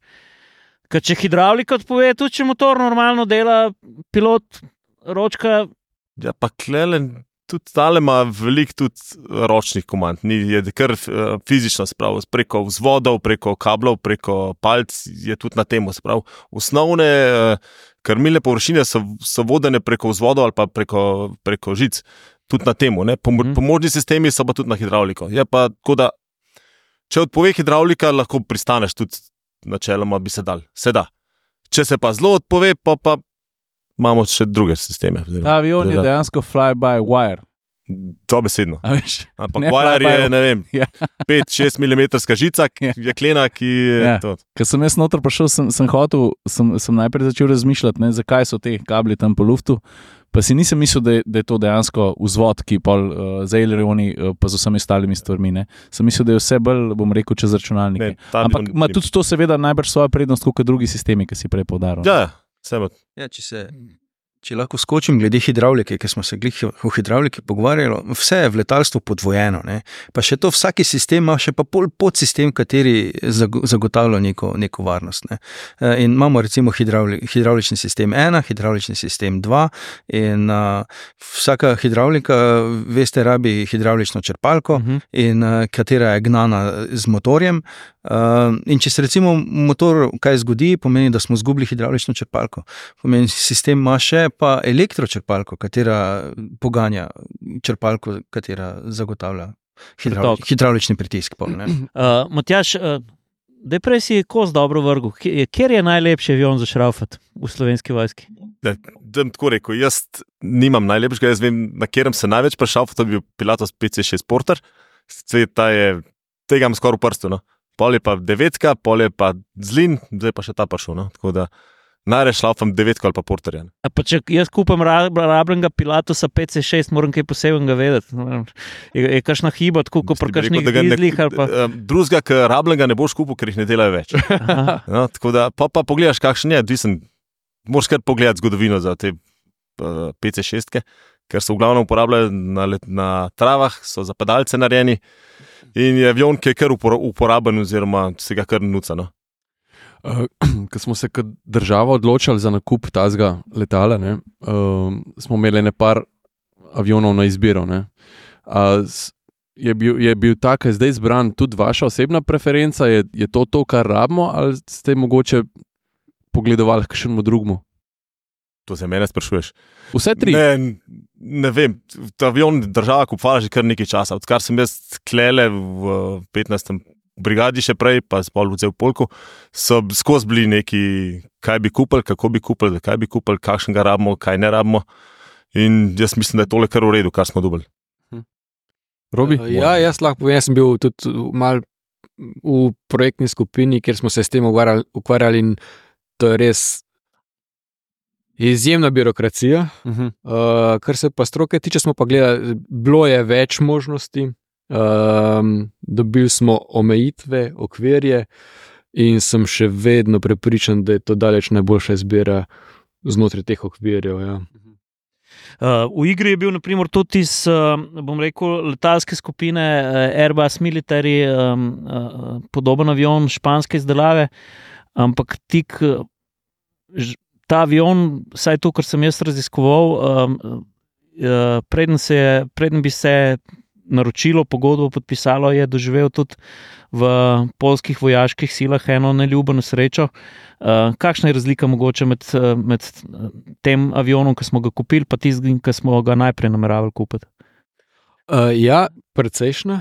Uh, predvsem ima tisti uh, avion, se pravi, bivša kasa, zdaj Airbus, ima veliko um, šipkejše motorje, Uh -huh. uh, kar pomeni, da, lahko, da je počasnejši, uh, niže leti. Eden izmed bistvenih podatkov je bilo, viš, kakšna je možna višina letenja, če en motor ugasne. In pri tistem avionu je bilo kar malo kritično, zato ker mi imamo hribe, Alpe imamo v Drži, ja. okolici in s tem avionom, tudi z enim motorjem, lahko letimo nad Alpami, s tistim, naprimer, ne. Um, Tisti avion ni imel APU-ja, se pravi dodatnega agregata, se, ki omogoča na tleh klimatizacijo, eh, elektriko in tako naprej. Kar je zelo važno, tudi če si, če si na neki misiji, na nekem območju, kjer ni agregatov, Kjer ni nič, ground supporta. Nič, tako, ja. Se pravi, to je bil faktor, pa še sama oblika trupa. Uh, Pri tistem avionu je zelo cevast trup z mehkim presekom, kar je mogoče super za ljudi, za prevoz potnikov, za kakšen prevoz večjega tovora pa, pa ni najbolj optimalno. uh -huh. To je kar velik razlik, kljub temu, da na hitro, če jih pogledaš, sta podobna aviona. Ja. Meni je to super, kako robi to poveče stroko. a ne, Ker, Ja. ker v medijih pa zasledimo samo gole podatke o številkah, pa koliko je en dražji, pa koliko je drug cenejši. Ampak meni je to super, da ti izpostaviš to na ta način, da se tudi tebe upošteva kot nekega strokovnjaka, v bistvu, kaj te je pomembno, oziroma kaj je vsem vam pomembno. ne. Ja, se cena je pa tudi faktor, a Absolutno, ne, ampak- ampak pač tu zdaj cena ni bila spet primarnega pomena, ker smo iskali izključno zahtevano zmogljivost slovenske vojske v prihodnosti. In. Vse ve, kaj se rabi. Pa tako, ja. Uh, Pejmo še malo na tehniko. ne. Uh, v bistvu letalo, ki ga tako pogledaš, bo kakšen rekel, ah, se smo tu kupili spet nekaj, nekaj majhnega, pa v resnici. Halo? Pejte, po, mislim, vse boste videli, ko bo, ko bo bil v operativi, ko bo leto. Prvič, uh, krasen je, drugič, močen zgleda, ka, a sem lahko malo vulgaren, kot prasec. Uh, Jure, močen kot Martin Krpan, stari on je kobilco prijel, pa je umaknil, No, pa pa- cesar mim. pa si ve- Soljo ured. pa vsi vemo, kaj pomeni, če si močan, kot prasec. No. Uh, 75 kubikov. 75 kubikov prostora je za, za pilotsko kabino. Uh, Mišel, da je še mogoče čist uh, tak kratek Tetris, da se stava. Ne? Kako gre? Mi vsi vemo, če nalagaš avto, pa se hočeš eh, dinamično pelati, morajo biti težke stvari od spodaj. eh, A ja. je pod m, Tetris nalaganja Loadmasterja v 75 kubikov, ki je vzletna masa, pa smo rekli, vse skupaj 31 ton s tovorom, z gorivom, z vsem. Um, kako je to važno, da ta Tetris, Ja, kaj je osnova? No? osnova je težišče letala. Ne? Osnova je težišče letala, tu ne smeš iti izven tistih gabaritov, ki je. Uh, procent, uh, težišče letala se meri v procentih. Uh, in mi variramo tam med 28 in 33 procenti uh, mejna aerodynamical korda, uh, uh Mhm. -huh. to je povprečna globina krila. Uh -huh. In mi moramo biti, ti, ko planiramo nalogo z našim predvidenim tovorom, splaniramo tako, da smo v teh, v teh procentih uh, noter. In to je tisto in po višini, in levo, desno, in, in po, po dolžini. Ampak tako v osnovi, pa, če si prav predstavljam, mora biti najtežji del, ga, mislim, najtežji tovor, ki ga naložite v to letalo, čim bolj med krili ali ne. Uh, ne, od, odvisno. Ne? Aha. Čist, uh, mi imamo noter prostora za tri letalske palete. In mi razporedimo tovor tako, izključno tako, da je težišče letala v teh, v teh uh, procentih, ki sem ga prej omenil. Ne. To procenti tega letala so pa nekje pri krilu. Ja. Zdaj, uh, če je tovor težek, damo tovor na vem, postopek, recimo, gremo na Toyoto. Damo Toyoto noter, jo damo od zadaj, pa vidimo, uh, imamo težišče preveč od zadaj. Ne? Uh -huh. Pomeni, ok, izračunamo za novo pozicijo, pa vidimo, da zdaj smo pa v teh dovoljenih variacij procentov in, in ga postavimo recimo na 5 metrov naprej ali pa 3 metre naprej. ne. A pa to se vse peš računa ali obstajajo neki inštrumenti Uh, za to? načeloma, mi smo se, zdaj, ko smo bili v fazi šolanja, smo vse to peš računali. ne. Uh, obstaja pa ena cel datoteka, eh, na katero namečeš noter podatke, kaj imaš, eh, kam bi dal, eh, in ti on zračuna težišče, če je v gabaritih ali ni v gabaritih. Ja. Tak en preprosti programček Excelov je. Drugače pa so vse tabele v manualih in se vse postopek moraš ved- vedeti tudi, tudi na pamet. Ker če slučajno nimaš pri roki računalnika ali karkoli, moraš vreči na, na list papira in, in zračunati. Ne. A pa pa Matjaš, ti prideš pa zagurtneš. Ne, Mišo to zagurtna vse. Mi, moj del se konča, ko mi pregledamo avion, pa ko je avion pripravljen za letenje, se naše delo konča, pa pol oni prevzamejo. Oziroma, že prej gledajo, ampak glavno imajo oni tovor in tovor morajo potrditi. Oni pa tudi pogledajo pol avion, da je tako, mora biti. ne. Robi, Robi, kaj pa sama uh, aviatika tega, oziroma letenje s tem uh, Spartanom? Kaj te je pri uh, Spartanu mogoče najbolj pozitivno presenetilo, ko si prvič um, letel z njim? A je tu um, mogoče nadpoprečna ukretnost, a je tu hitro uspenjanje, ne vem, uh, mogoče nat natančnost, ki ga povlečeš v vink ali kaj takega? Kaj je tu tisto, kar te kot pilota navdušuje pri tem avionu? Ja, verjetno ukretnost. Ja. Vse to smo videli, te posnetke, ne uh, raznih loopingov, pa to nojo. Se pravi, ukretnost je sigurno stvar, ko pilota zanima fejst. Uh, drugač pa. Drugače pa avion kar zahteven za letenje, tako da je kar uh, izziv, ima svoje trike, fore, uh, ni preprost, kljub temu, da spet ni ne vem kaj velik, ampak ni preprost. Um, tako da je kar dosti dela. A pa hočeš reči, da je z njim več dela, kot naprimer C17? eh, tvega? Ja, ja, ja, ja, absolutno je bolj zahteven za letenje. Ja, Eno, eno mogoče čez glupo vprašanje. A ima avtopilot? ja, ja ima avtopilot, da se drugače je kar pameten, kar modern, ker glih ta naša varianta, naš blok ena, uh, ima posodobljeno avioniko, ki je bolj. Ki je precej usklajena s civilnimi standardi, tako da nimamo problemov z letenjem v civilnih zračnih prostorih. To je kar moderna avtopilotama, pa avtotrotelma, se pravi, da tudi gas si sam rihta, če nastaviš hitrost. Uh, tako da ni slabo, ima pa določene pomankljivosti, tako kot jih ima praktično vsako letalo. ne. Piloti smo precej izbirčni, nikoli nismo zadovoljni, ponavadi. Tako je pač naše življenje, tako da zmeraj kaj najdemo. No. A, a, a prav, če je vedno na roke, ali se da tudi. Avto, z avtopilotom se da do določene višine leteti, pa je pa treba zmeraj ročno pristati, pa vzleteti je tudi treba zmeraj ročno. a ne. Ja. A je uh, letališče v Crklah zahtevno za ne? Tako kot več ali manj vsako letališče, ja, ni, ni neki ekstra zahtevno. Ja. Je kar v redu, ja. A, imamo v Sloveniji, no, ne v Sloveniji, v Evropi, se pravi, če, govorim, če gledamo ra, ra, ra, krok radija operativnega tega letala, mi, vi praktično na kjer konc Evrope lahko poletite. Naprimer, um, je na Ferskih otokih um, um, zahtevno pristati s takim le. Ja, ni, nisem bil, ne poznam, verjetno da je malo težje zaradi okoliščin, ne samo zaradi, zaradi letališča, ampak zaradi vremenskih okoliščin je ponovadi zahteven. Ja. Ta avion je, ko, je, ko enkrat pride do določenih. Uh, do določenega bočnega vetra je kar zahteven. Uh, Se pravi, veliko popravkov na. Ja, je treba biti kar aktiven, ja. kar fez šoferati. To, ja. A se Jure dobro pripravil? ne? Mhm. Mene pa zanima, prej Jure sprašal, pa nekaj časa me vmes ni bilo. Torej, ne potrebujete dovolj časa to, da mislim, ne, koliko- par sto metrov do vzletite. Oziroma, t- ta podatek sem zgrešil. Predvsem pa, ko pristajate, če ste polno naloženi, uh, kakšna dolžina je tista, ki jo minimalno potrebujete, zato da se varno ustavite. No? Mislim, ker vem, da prist, k, ni vedno najbrž, prej smo govorili, da lahko pristane v mrzkih pogojih, pa na mrzkih podlagah. Mhm. In predvidevam, da s spreminjanjem podlage se tudi skrajša pista, doskrat, eh, da ni zdaj to, rekel. je, odvisna je seveda od podlage, od vremenskih pogojev, temperature, višine letališča, pa še razno raznih faktorjev. Ja. Ampak tudi če vzamemo najslabši možen primer, maksimalna masa.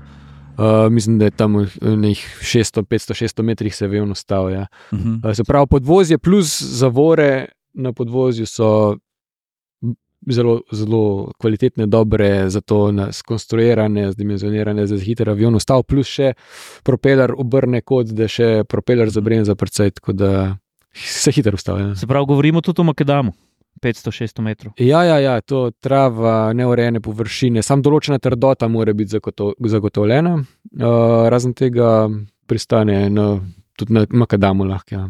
Zdaj ste, koliko en dober let ste preživeli v Italiji, Ja, ne, malo manj smo, no, ampak, ampak na relaciji zmer- gor dol. Ne? Ja. Nekaj mesto. Ja. Uh, kakšna je hrana? Ko se navadiš, pa ko se navadiš, da so gostilne odprte, ker imajo imaš drugačen Ja, razmerje, ja, ja, ja. pa nas je, pol smo pogruntali, ja, pa je v redu. K- A nismo skozi bili na makaronih, no, ampak Je, ma, je, kultura, pardon, eh, eh, je kultura malo drugačna kot pri nas. ne. Ja. Tam se restauracije odprejo, komaj ob 8 zvečer. Ne, Tam vsi delajo ne vem, čez dan.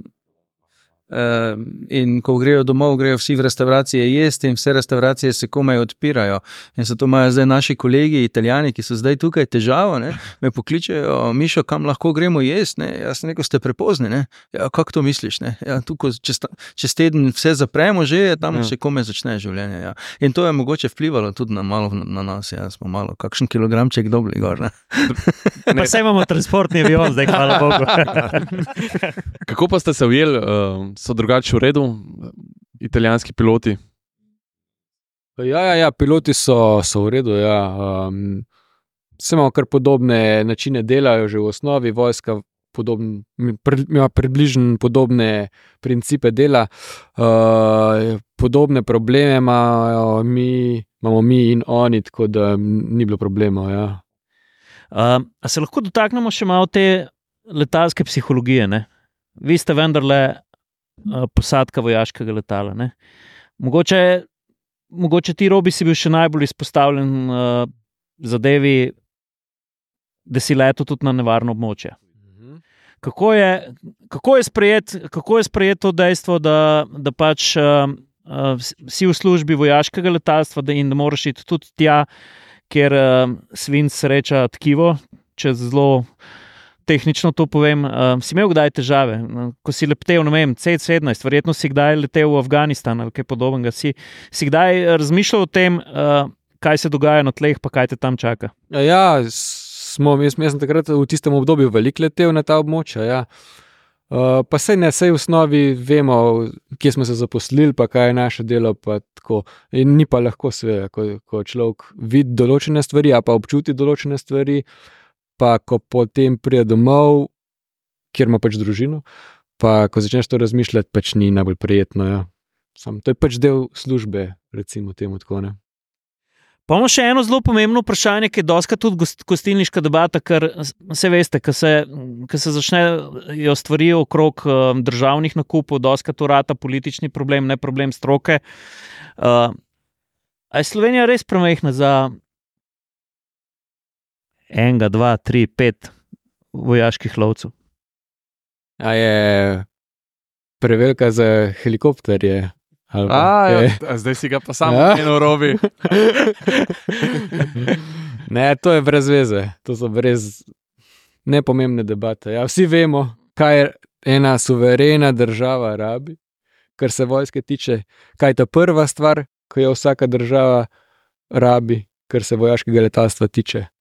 In so te debate težke za poslušati za nas, no, verjamem, za nas. Greš pa na en vseeno. letalski miting, pa vidiš, da na območju letališča s polnim gasom obračajo, kot zmešani. in Problem je rešen, saj za mene, ker sem bil že No, tam to, stokrat. to mi je všeč, eh, pa, ker, a veste, kaj je moja, moja primarna skrb kot um, državljana te naše krasne Republike Slovenije. Ne? Jaz vam, fantom, zaupam, zakaj. Zato, ker smo rojaki, ker vidim na Robijevi, na Robijevi letalski jakni grb uh, slovenske vojske, pa zastavo moje države. Jaz, jaz nisem prepričan, z vsem dolžnim spoštovanjem in spoštovanjem zavezništva, da je en mačarski pilot ali pa švicarski pilot ali pa švedski pilot lahko do moje domovine tako dedicated, kot ste vi trije. Zaradi tega bi si želel, mogoče, da dobimo tudi kakšen afterburner motor. To je po moje to Ja. prva stvar, ki jo mi vsi podpišemo. Tu, ampak pač, vemo pa, kdo to lahko reši. Ja. Pa dajmo še malo sanjati, če bi zdaj kupili. Ka- Kaj bi ti predlagal? Ne, jaz ne vem, jaz sem neč prelagal, to Mišo je bolj mojster na teh. Okej, pa lahko je- a- Mišo, Mišo res pozna. Mi, Miša pa, Imamo pa, pa pa enega kolega, um, kopilota našega, sam ga ni zdaj tu, on bi bil res dober naslov. Uh, Tom Cat, fan, drugač. Aha. Največji Tom Cat fan, po moje. F14, to staro. Ja, ja, na vsej v Evropi, če ne širše. Uh, pač ni ga zdaj tu, no, drugič. Reč pa Mišo, evo. Pa se je F14 ni tako star avion spet. Ne? Letijo ne več. Te veš, da je šel v Ne luft, stari. no. Pred več kot 50 let Še, nazaj. tam ne. še v Iranu. Ne? Ja, še američani so jih upokojili, ker imajo skoraj neomejena sredstva finančna, da, ampak je tudi tam politika. No, Miša, Miša- pa kaj zdaj? Miša, kaj kaj bi- bi bilo? Če moramo reaktivca zbrati, kaj bi zbrali? Jaz mislim, da bi bil F-16 super. Aha, sprav, Najlepši avion vseh časov. to pa ni res, to se pa, pa mi da začela kregati. No. Ne, No, daj nehaj, no. Kjer pa je zate? No, meni so pa ruski lovci predvsej všeč. No. Mislim, po, po, sam, po samem videzu uh, 27, kar recimo. Suho je 27 ali pa suho je 35, Ja. ja. sta zelo lepa. Meni, sta, meni je to krasno letalo.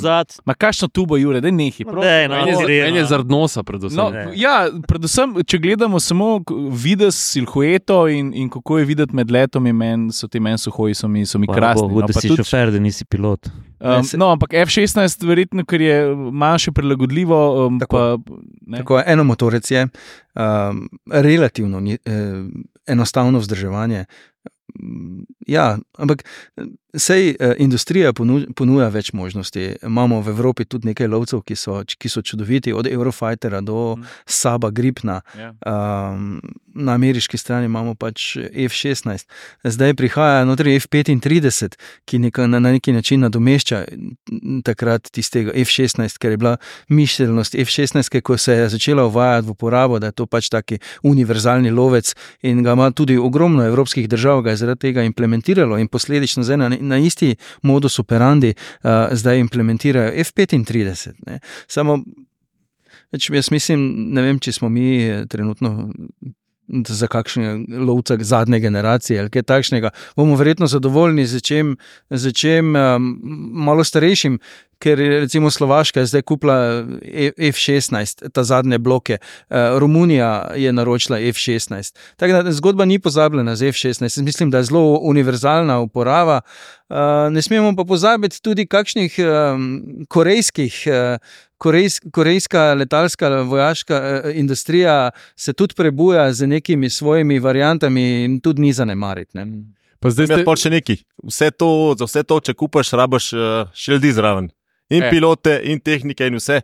In se bomo mogli zelo potruditi, da bomo Ja, Če ampak, dobimo kaj, dobili tudi kader za to, ker kader za to ni to. ne Vem, končaš šolo, pa si ti, ne vem, greš na en tečaj, pa si ti mehanik. Ni ampak ravno fascinacija nad temi stroji spodbudi ljudi, da, Ja. da, da se začnejo Definitivno zanimati za te poklice. In tole, kar imamo zdaj za nami, je eden od teh primerov. a ne. Če pa, če pa pridemo nekoč nekdaj do, do reaktivca, je pa absolutno še toliko večji trigger, da, da, da se ljudje začnejo zanimati za ta poklic. Rob je prej izpostavil, da absolutno premankuje kadra, ampak en, en, en tak avion reš uh, marsikater problem. Mm. Jaz imam v telefonu eno sliko, ki je nastala v eni poletni nevihti na frankfurtskem letališču, ki je že kazalo, da bomo mogli prespati. Pa so domači piloti Adria Airways rekli, ne, v teh razmerah mi lahko letimo, in smo šli na pot. In meni je tisti dan pomenil zelo veliko, ker sem prišel nazaj domov na eno obletnico in so me slovenski piloti propeljali in doskrat si odprem to sliko. Ne. In uh, jaz glih iz tega trenutka, ko pogledam nazaj tega Špartana, pa piše Gor Republika Slovenija, pa Martin Krpan, uh, mi je res toplo pri srcu. Ker ne vem, kako se je to lahko zgodilo, da je Slovenija ostala prizemljena v civilnem letalstvu. Ne bomo, ni, ni naš uh, podcast, politični podcast, ampak sem izredno vesel, fanti, da ste dobili ta avion uh, in da boste z njim leteli uh, slovenski piloti, pa da je vojaški. Da je vojaški uh, letalo, ki bo služilo tudi v civilne namene, pa um, letalo slovenske vojske, ne moreš dati v neke head sklade, ki bi ga zafurali. Tako da to me zelo veseli. Ker smo mi postavili vprašanje, ne, eh, si ti izpostavil, Jure, a imamo zdaj mi prostor tle za tega lovca. Ne, se, to je tako, kot mi kdaj objavimo kakšen test športnika ali pa super športnika, ne, in potem se spodi komentarje, se kje pa to v Sloveniji vozi. Ja. Pa si jaz mislim, pa, dobro, ljudje, a vi veste, koliko imamo mi krasnih cest za avtomobile, ki so zelo zmogljivi. In tako se mi zdi, da ste tudi vi odreagirali v smislu, ja, pa seveda, da je tudi naš prostor primeren za to, da bi imeli neko reaktivno vojaško letalo. Ne. Se to sploh Mogoče ni še- vprašanje. No. Mogoče še v kontekst, da to spravimo. Ne? Uh, naprimer, se zgodi, bog ne daje, ampak eh, Slovenija je potresno območje, uh, naprimer, da bi bilo treba evakuirati veliko število ranjenih. A imam pravi podatek, Mišo, 36 nosil gre v ta avion. Ne? Je tako. Ja, imaš, imaš pravi podatek. si naredil dom, domačo nalogo. ne? Jure ob treh vstal. Še sreča, ja. da je, a ne, ker mi dva s Cirilom, ti imaš danes YouTube čez, jaz pa neke avte upeljujem. Pomeni iz ene vojaške, vojaške bolnice na potresnem območju, če treba evakuirati 36 težko ranjenih ljudi, državljanov, vojakov, kogarkoli, jih vi odpeljete na, v bolnico. Ne? Tako.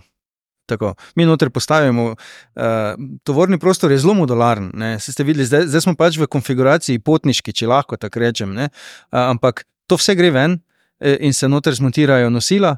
Uh, in 36 nosil, plus uh, oskrbovalno osebje, in mi smo to sposobni pripeljati ja, na vsak način.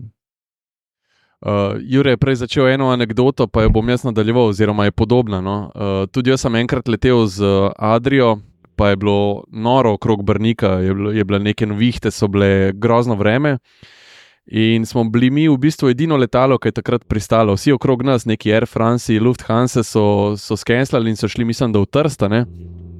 In smo pri, pristali, po mojem, tudi zaradi tega, ker je domače znanje pilota, oziroma mu je znano okolje in vsi uh, pogoji, ki so bili zraven. Ampak uh, hočem reči to, se je pilot na koncu postavil pred vrata, ker smo hodili dol z avionom.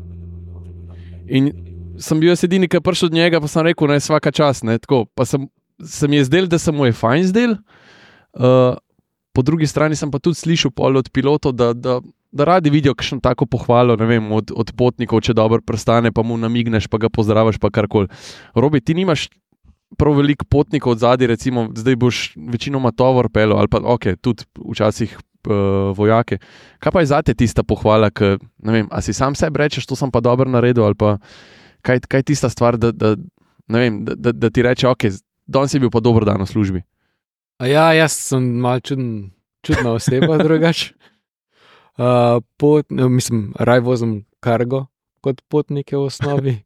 Res, da že včasih se fajn zdi mogoče, uh, kakšna pohvala. Čeprav sem bolj kontrnaren, da tiste pohvale niso tako važne, bolje kakšna konstruktivna kritika pomembna. Vsak pa pri sebi verjetno ve, pol do, zvečer, ko se peleš domov v avtu, ok, to je bilo dobro, to smo res bravo, ali pa nekaj je bilo slabo. a Ne, Kaj pa, je, za, kaj pa je bila zadnja konstruktivna kritika, ki si jo dobil tako? Ama nimam pojma. Od Italijanov. Od Italijanov. A Italijani, Allora, Robi. ne, Italijani uh, so preveč prijazni, ja, preveč uh, so nas mogoče. Um, Ujčkal. ja, ja, ja, včasih dobi smo imeli, mi ne vem kako je za loadmaster, ampak mi s piloti smo imeli včasih občutek, da so mal nerealni, da je bilo vse, vse v redu. pa tako.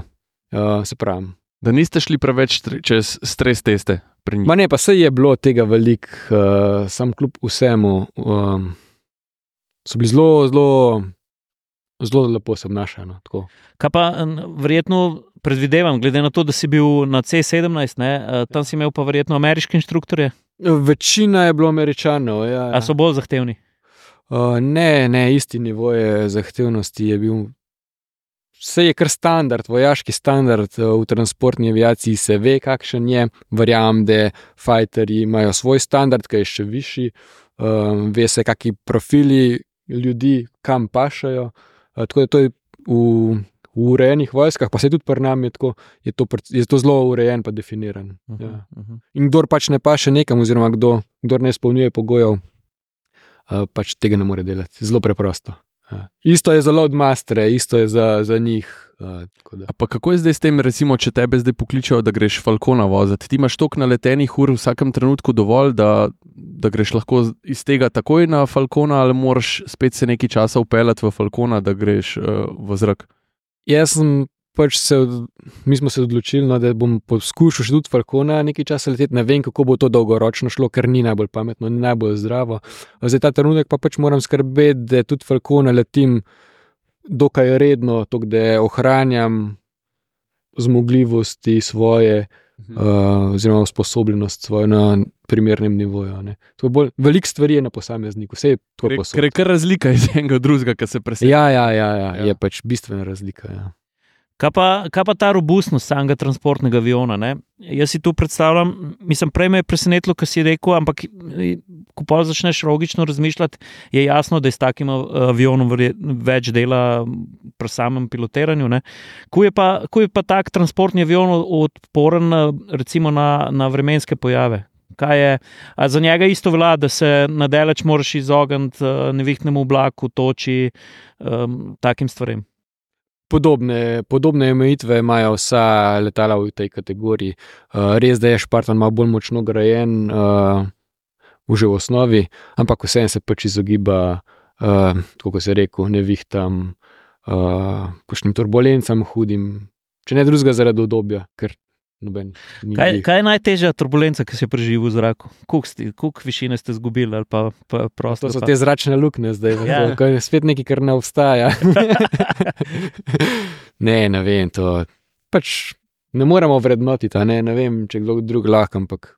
Pa mogoče smo še večje turbulence doživljali, večje turbulence se doživijo z manjšimi letali, pa z jedranimi letali, kot pa s takimi velikimi. a ne. Matjaž, tebe, tebe absolutno tudi vleče v zrak, ne? ampak ti svoje delo narediš, ki pač narediš vse čeke okrog letal, pa gre pa v letalo v zrak.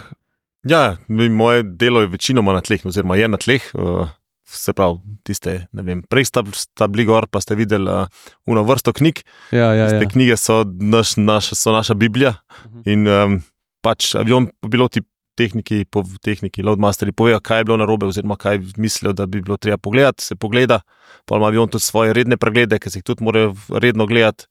In to je kar ne, konstanten, konstanten postopek, konstantno delo, se vrti iz dneva v dan, danes to, jutri to, danes to. Kako pa nahraniš pol svojo dušo? A z letenjem, ja, pač z raznimi hobiji, oziroma ali YouTube, kot Ciril, Ja. ali pa uh, klej sem še v vojaški letalski reprezentanci za hidralno letenje, Aha. pomagam tam le pri eni ekipi, ki grejo na, v tujino na tekme. In včasih, ko imajo oni trening, grem z njimi in to je to. Kaj pa, kad civilno letite, vsi trije? Tako, a ste pozorni na vsako stvar ali se prepustite letenju?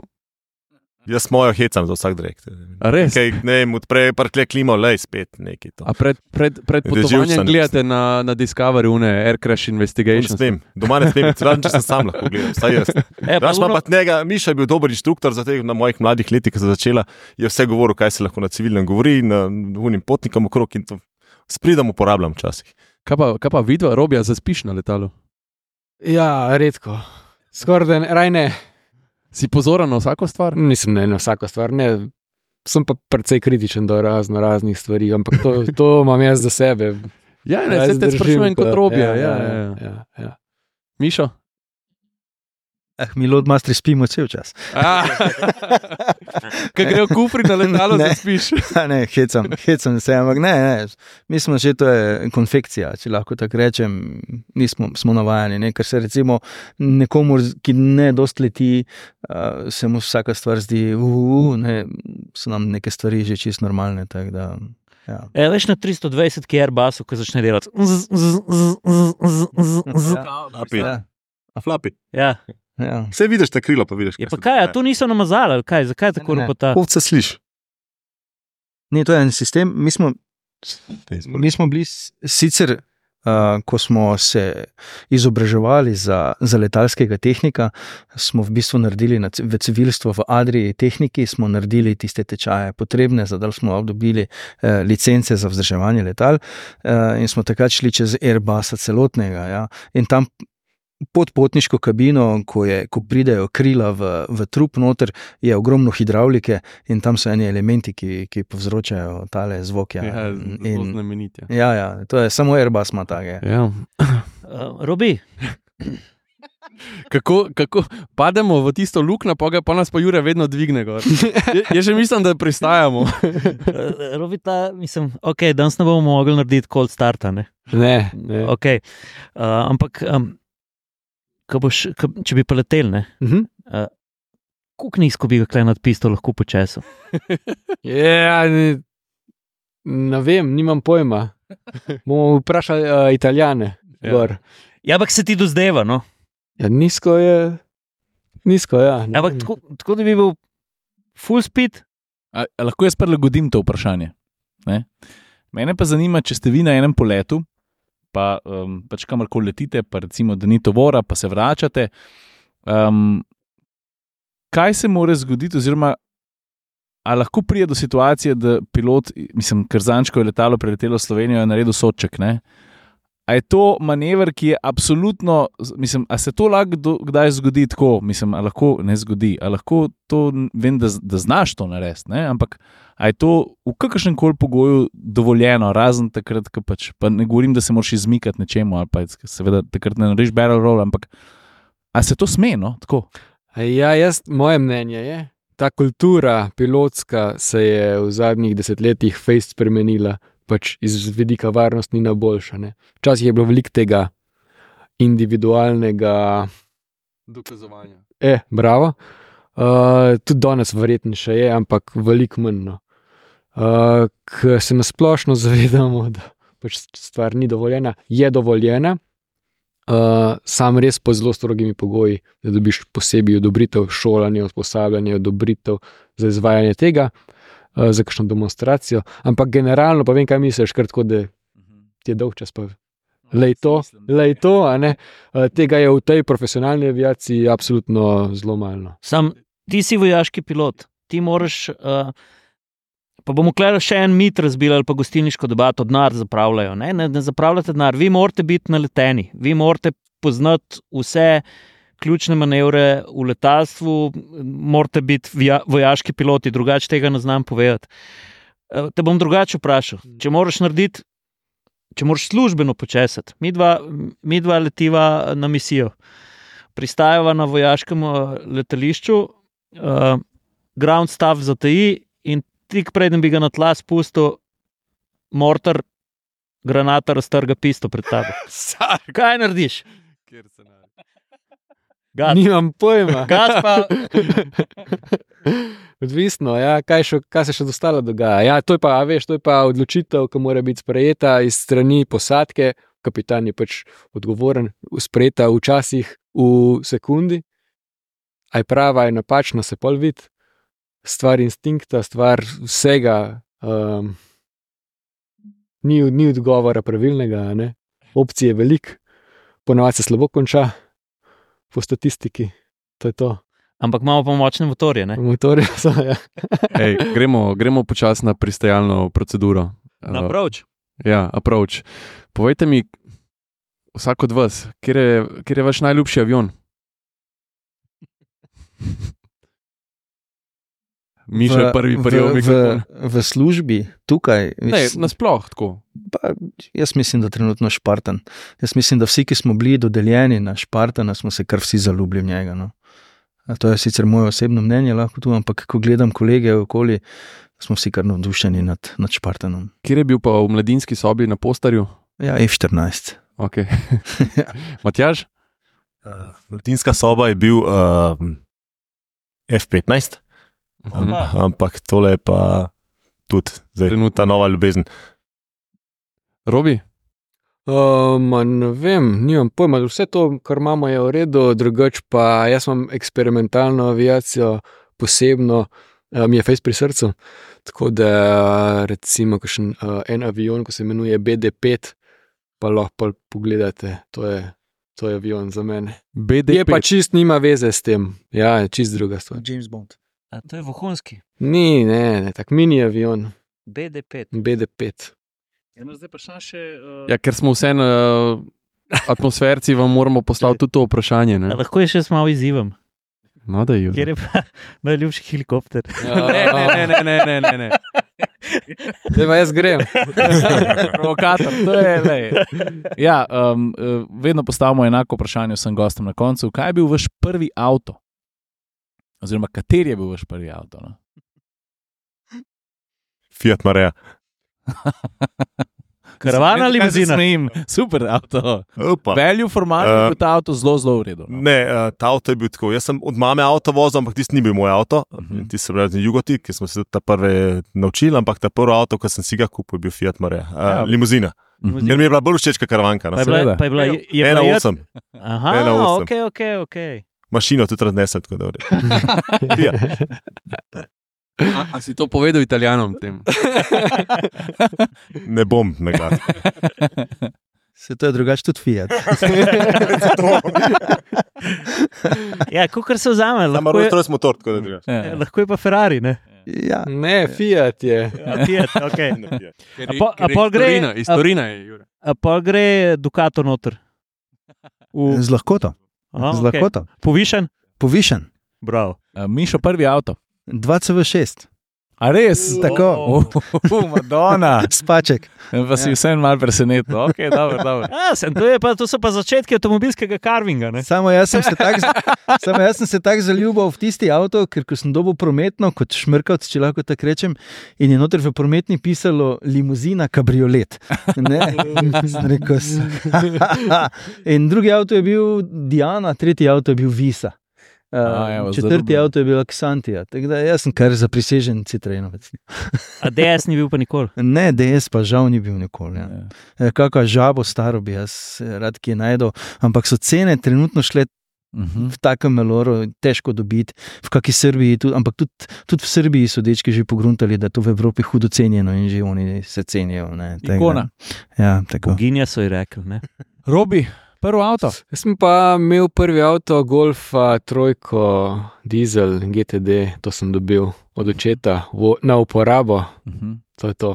Ja. A veste, da golf praznuje 50 let? Ja, letos. Ja. Madonna. Jaz sem dva dni nazaj sem nekaj napisal na to temo. Dobro, da ne bomo zdaj zaronili, ne, ker smo, sem začutil, da bi šli lahko še v, v drugo smer. Um, Jure, boš ti zaključil, no, če si že največ Ja, povedal, um, več od vseh. Jaz moram nekaj iskreno povedati. Ampak nekaj se smejati, ker, je, uh, ker je to je malo emotional. Jaz bi se vam, fantje, kot državljan Republike Slovenije, najprej rad, ne vem, če se vam je kdaj že kdo javno zahvalil, ampak jaz se vam bom. Najprej bi se vam rad javno zahvalil za vse, kar ste v 15. letalskem polku slovenskem naredili za nas, pa še naredili boste za nas. Uh, govorimo od hribov do prevozov organov, do vsega podporta, kar ga nudite. Uh, pa hvala, ker ste se odločili stopiti v službo domovino, pa nositi zastavo na ramenih. In uh, res vam želim veliko doživetih, lepih ur preletenih s tem našim novim Špartanom in vam uh, res iskreno čestitam za to pridobitev. Vsem nam, Sloveniji. Hvala. Hvala. Hvala, ja. krasen zaključek, jaz se podpišem po to Jure. Jaz sem se zasmejal samo zato, ker sem slutil, da bo prišlo um, pač nekaj tako, kar sam ti znaš, no, če sem čisto iskren. In si res lepo povedal in se pridružujem temu mnenju. In tudi zahvala z moje strani, ker se mi zdi, da tako kot smo prej offline že govorili, ne, da uh, vsak zna zelo hitro kamen vrečne, uh, mm -hmm. pa hudič uh, tiste uh, zagrab je pa pa problem. Je pa kar naenkrat fajn, da imamo vse, tudi letala. Ne. Pa, fanti, ne pozabite, da smo na vas ponosni, no? ko čisi iskren. Pa frajeri ste. Hvala. Pa frajeri ste. Ne, pa, pa še nekaj, jaz, jaz zdaj je že kar postala neka navada, da se jaz na koncu, oziroma da se mi povabimo nekam. Eh, tako da že prej ste mal vrgli kost, da bi bilo fajn, da vas pridemo obiskati v crkve, ki bojo prenovljene. Ne? Tako da uh, odprto vabilo velja. Ne? Absolutno. Ja. Evo. Ko ne treniramo, Ko ne trenirate, ko ga spravite v luft, uh, vas prijemo pogled. Pa, Po, pogled, kako to pride cel postopek, pa otešli pa mogoče probati. Tudi, ker smo malo težji, bomo tudi izziv za load master. ja, ja. Tako talil noter. Tudi biličar imamo. tako da- Fantje, hvala. Hvala. Hvala vam, ja. Hvala vam.